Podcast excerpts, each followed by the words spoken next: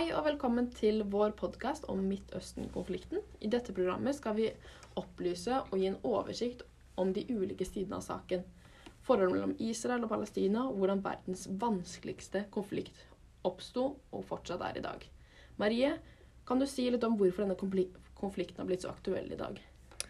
Eh, ja, altså Forholdet mellom Israel og Palestina har jo blitt kalt verdens vanskeligste konflikt. Og i 1948 så ble staten Israel opprettet. Og dette skjedde gjennom krigføring og på bekostning av den palestinske befolkningen som bodde i området fra før. Siden da har jo konflikten vært preget av skjevt maktforhold. Eh, altså da et militært sterkt Israel med stor støtte fra USA på den ene siden, og et delt palestinsk folk uten en egen stat på den andre. Etter en lengre periode med relativt ro ble det en kraftig opptrapping i konflikten mellom israelere og palestinere våren 2021. Eh, og da ble det da voldelig uro i Jerusalem og rakettskyting mot og fra Gazastripen. Eh, og mange palestinere har jo levd under israelsk okkupasjon siden 1967. Og det sentrale spørsmålet i konflikten er jo hvem som har mest rett til å kontrollere og bo i området. Ja, Men hva sier egentlig lederne fra de to partiene om eh, denne konflikten? Eh, altså Begge lederne fra de ulike partene mener jo de har like mye rett på områdene. Eh, fordi at Jerusalem er jo hellig for både jødene eh, og staten Israel, eh, mens palestinerne mener at de har rett på dette området, siden de eh, originalt bodde her da, fra starten av. Mm -mm. Men det jeg lurer på, Julie, er hvis man ser fra begynnelsen av alt, hva er egentlig selve bakgrunnen for eh, konflikten? Nei, Essensielt så handler jo den konflikten her om at jøder, har flytta til Palestina når palestinerne mener at det er deres jord. For den eh, organiserte jødiske innvandringen til Palestina den starta allerede i 1882. Eh, og så utover mot 1900-tallet så begynte den sionismens fremvekst i Europa. Og da var det eh, mer at der, eh, jødene ville ha en egen stat, for de hørte ikke hjemme i noe land i Europa, egentlig, med ja. sitt eget folk. Så allerede i 1917 så kom den såkalte Balfour-erklæringen, som da lovte at jødene skulle få sitt eget stat i Palestina.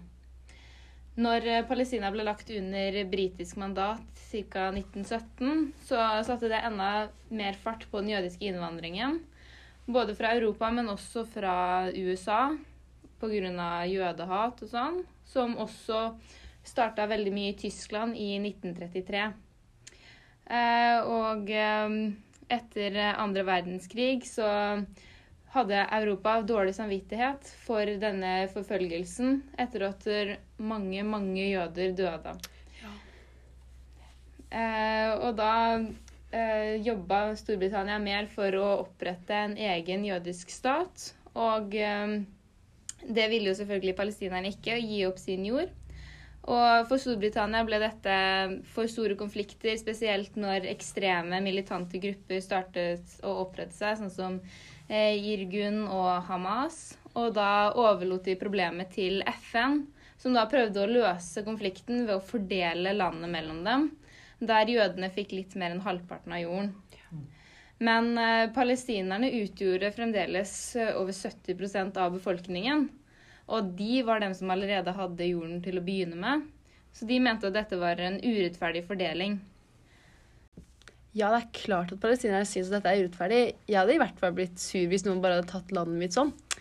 Men eh, denne konflikten har jo vart veldig lenge, så hvorfor blusser konflikten opp med jevne mellomrom? Har det vært noen viktige historiske hendelser den siste tida, Karoline? Eh, vi kan jo f.eks. snakke om rak rakettangrepet og bombingen som nå var i 2021. Eh, det var Den 10. mai så sendte jo Hamas raketter Gaza, fra Gaza mot Israel. Og Foreløpig er det mer enn 250 palestinere som er drept. Over 60 av disse er barn. Og Foranledningen til at Hamas startet rakettangrepet, var jo at det var en urolig situasjon i Jerusalem. Og Israel ønsker jo å kaste ut palestinerne, eller palestinske familier, fra boliger som er gjort krav på av jødiske bosetninger. Og dette har ført til at store protester da, blant folket og de som lever der nede. Og sitt forsøk på å slå ned protestene stormet Israel israelske styrker Al-Aqsa-moskeen, hvor 400 palestinere ble drept. da. Ja, Men Karoline, hva var egentlig målet med dette angrepet? Ja, Det er jo litt vanskelig å si akkurat hva målet var, men vi vet jo at, eh, Hamas-regimet på Gazastripen ledet jo an denne krigen, eller dette angrepet, da. Og Deres mål var jo å eliminere Israel. Og uten Iran i ryggen ville ikke Hamas og islamske jihad kjempe noen krig mot Israel. For terrorgruppene på Gazastripen brukte jo israelske raketter i angrepene mot sivile israelske boligområder under da denne Gazastripen, eller i Gazastripen. Og deres evne til å produsere egne raketter på Gazastripen skyldes også i stor grad iranske ekspertiser. Så Iran, eller ja, Iran har jo på en måte en langsiktig plan om å svekke og isolere og etter hvert da nedkjempe Israel. Eh, Men det jeg lurer på, Julie, er eh, hvordan var egentlig utviklingen når det gjelder områder som tilhører hvilket parti, da, Israel og Palestina? Hvordan er den? Nei, Til å begynne med så hadde jo Palestina hele området. Ja. Men uh, israelerne har kommet inn og tatt uh, mer og mer.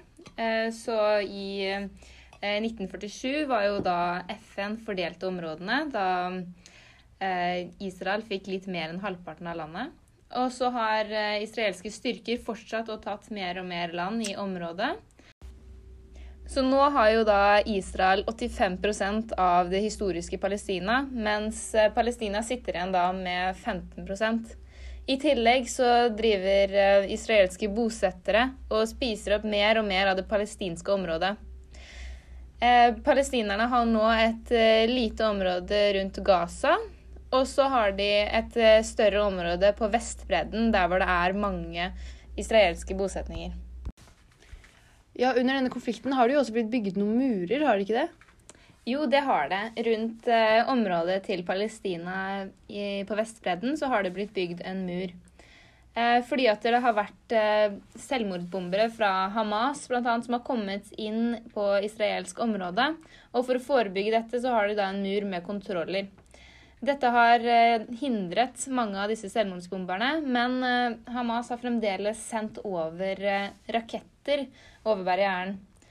Eh, og palestinerne føler seg mindre frie og har mindre tilgjengelighet på tjenester som helsehjelp og varer som følge av at eh, man ikke kan få ting så godt inn og ut av området. Men Ulrik, denne konflikten er jo veldig stor og går veldig utover store deler av verdenssamfunnet. Ja. Så hvordan reagerer egentlig verdenssamfunnet da på konflikten, og spesielt da kan du si om USA sin rolle? Eh, Det kan jeg, vet du. Fordi eh, USA var egentlig ikke alltid på Israels side. De var egentlig veldig nøytrale i saken. Eh, Men det var under den kalde krigen hvor USA og Sovjetunionen Sovjetunionen kjempet over å ha den ideologiske påvirkningen over hele verden. Og For å da holde seg relevant i Midtøsten grunnla de da et tettere bånd med Israel. Fordi Israel var en stat med bra demokratisk styre. De ville at de skulle være partnere med USA, slik at Sovjetunionen ikke skulle komme med kommunismen sin og påvirke de. Og ha de som partnere for deres intelligens og militære i tillegg. Siden den gang har situasjonen endret seg, men avtalen ikke. USA supporter fortsatt Israel, men landet er ikke lenger fare for å være med å spre kommunismen. Derfor er ikke USA der Faen i helvete. Nå kan vi ta det herfra. Vær snill. Eh, Derfor ikke USA nå da trekker seg unna, er fordi de har fått eh, folkelig støtte fra borgerne.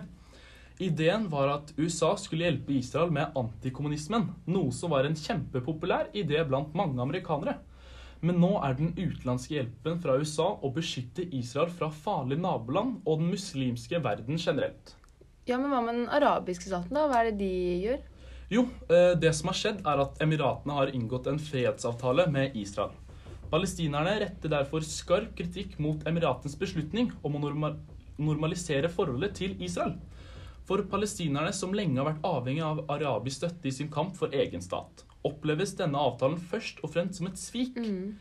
Det er gjentatte ganger bedt arabiske land om å ikke normalisere forholdet til Israel før Israel og Palestina har selv inngått en fredsavtale.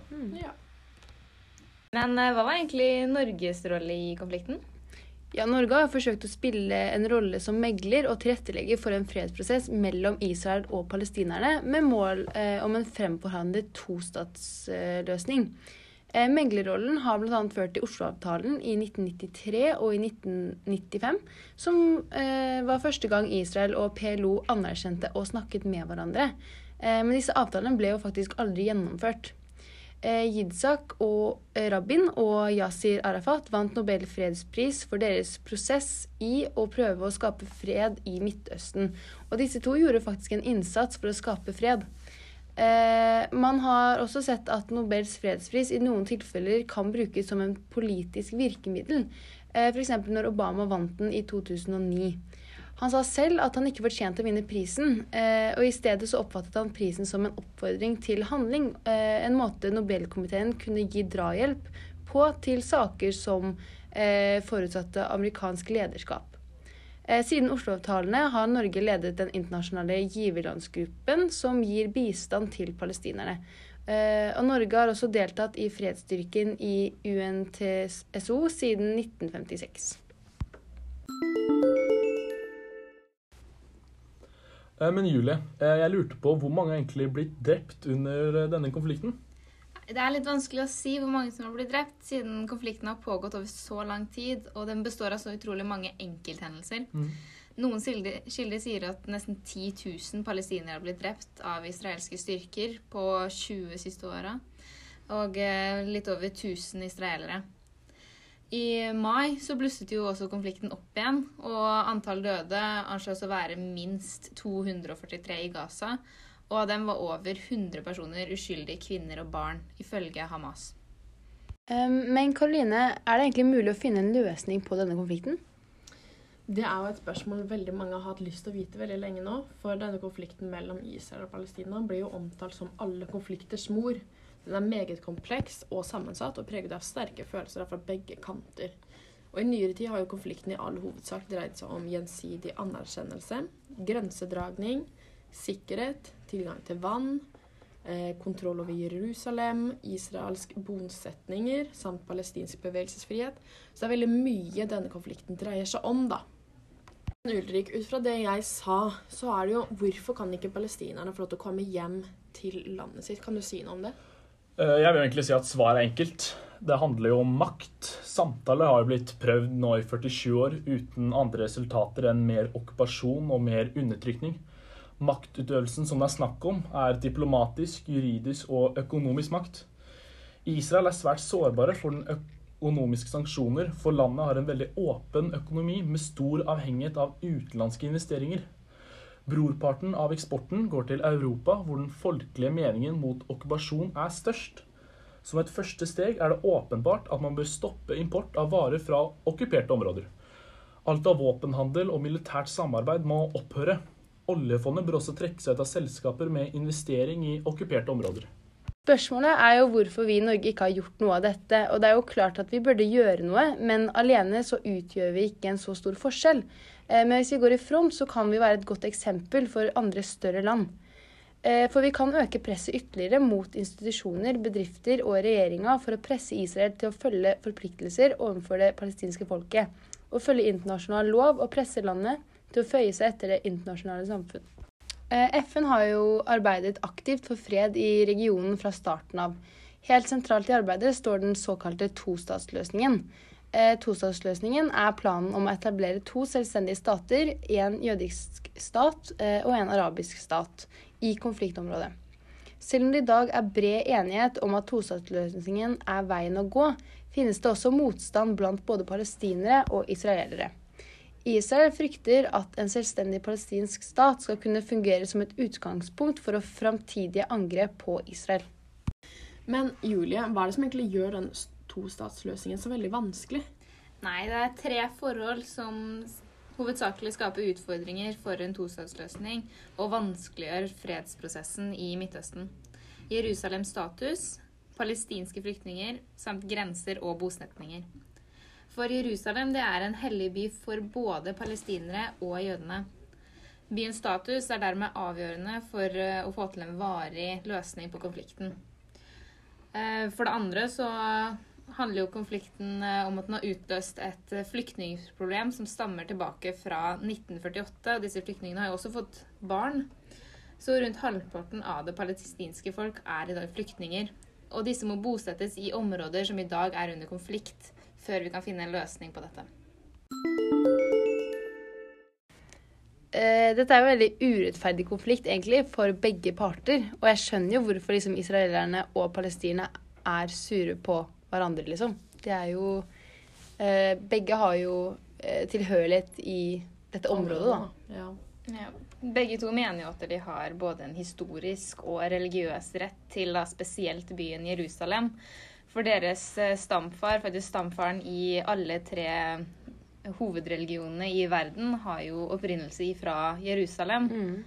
Ja, men det er jo veldig vanskelig å vite hva som funker for å få til en løsning. For det er jo veldig vanskelig konflikt, og det er veldig mye som har å si. Så det, den er veldig kompleks. Det er den. Mm. Jeg personlig, og det vet jeg også du, Rik, mener, at eh, det er jo Ja, jeg, jeg støtter eh, Palestina. Palestina. Jeg, jeg synes det er urettferdig at uh, israelerne kom og tok over eh, landet til Palestina. De hadde jo fått tildelt det av FN, men det, det var jo en, nesten en 50-50 inndeling. Men så kommer Israel og tar mer og mer land, og Ja, ja. Palestina får bare mindre og mindre. og jeg synes det er dårlig at vi lar dette skje, da, nå som vi vet at det er halvparten av befolkningen er flyktninger. Så syns jeg det er at uh, vi andre vi prøver å gjøre noe, men vi får jo ikke løst konflikten. Ja, Vi hadde jo blitt sure hvis noen bare brått hadde blitt tildelt landet vårt da, Ja, og nettopp. tok over. Og så skulle vi liksom hatt lille Oslo igjen. Da skulle vi hatt hele Norge. Da hadde ikke Da hadde vi kriga. Ja, jeg hadde blitt sinna i hvert fall. Eh, ja, det er jo klart at dette temaet er eh, veldig vanskelig å komme til bunns i, og det fins mange ulike meninger av saken, men eh, ja, i denne podkasten så har vi i hvert fall kommet med våre meninger og prøvd å innlyse om denne saken, da. Så takk, eh, Ulrik, Karoline og Julie, for at dere var med og diskutere denne saken. Ja, takk for alt. Takk for uh... Takk for i dag.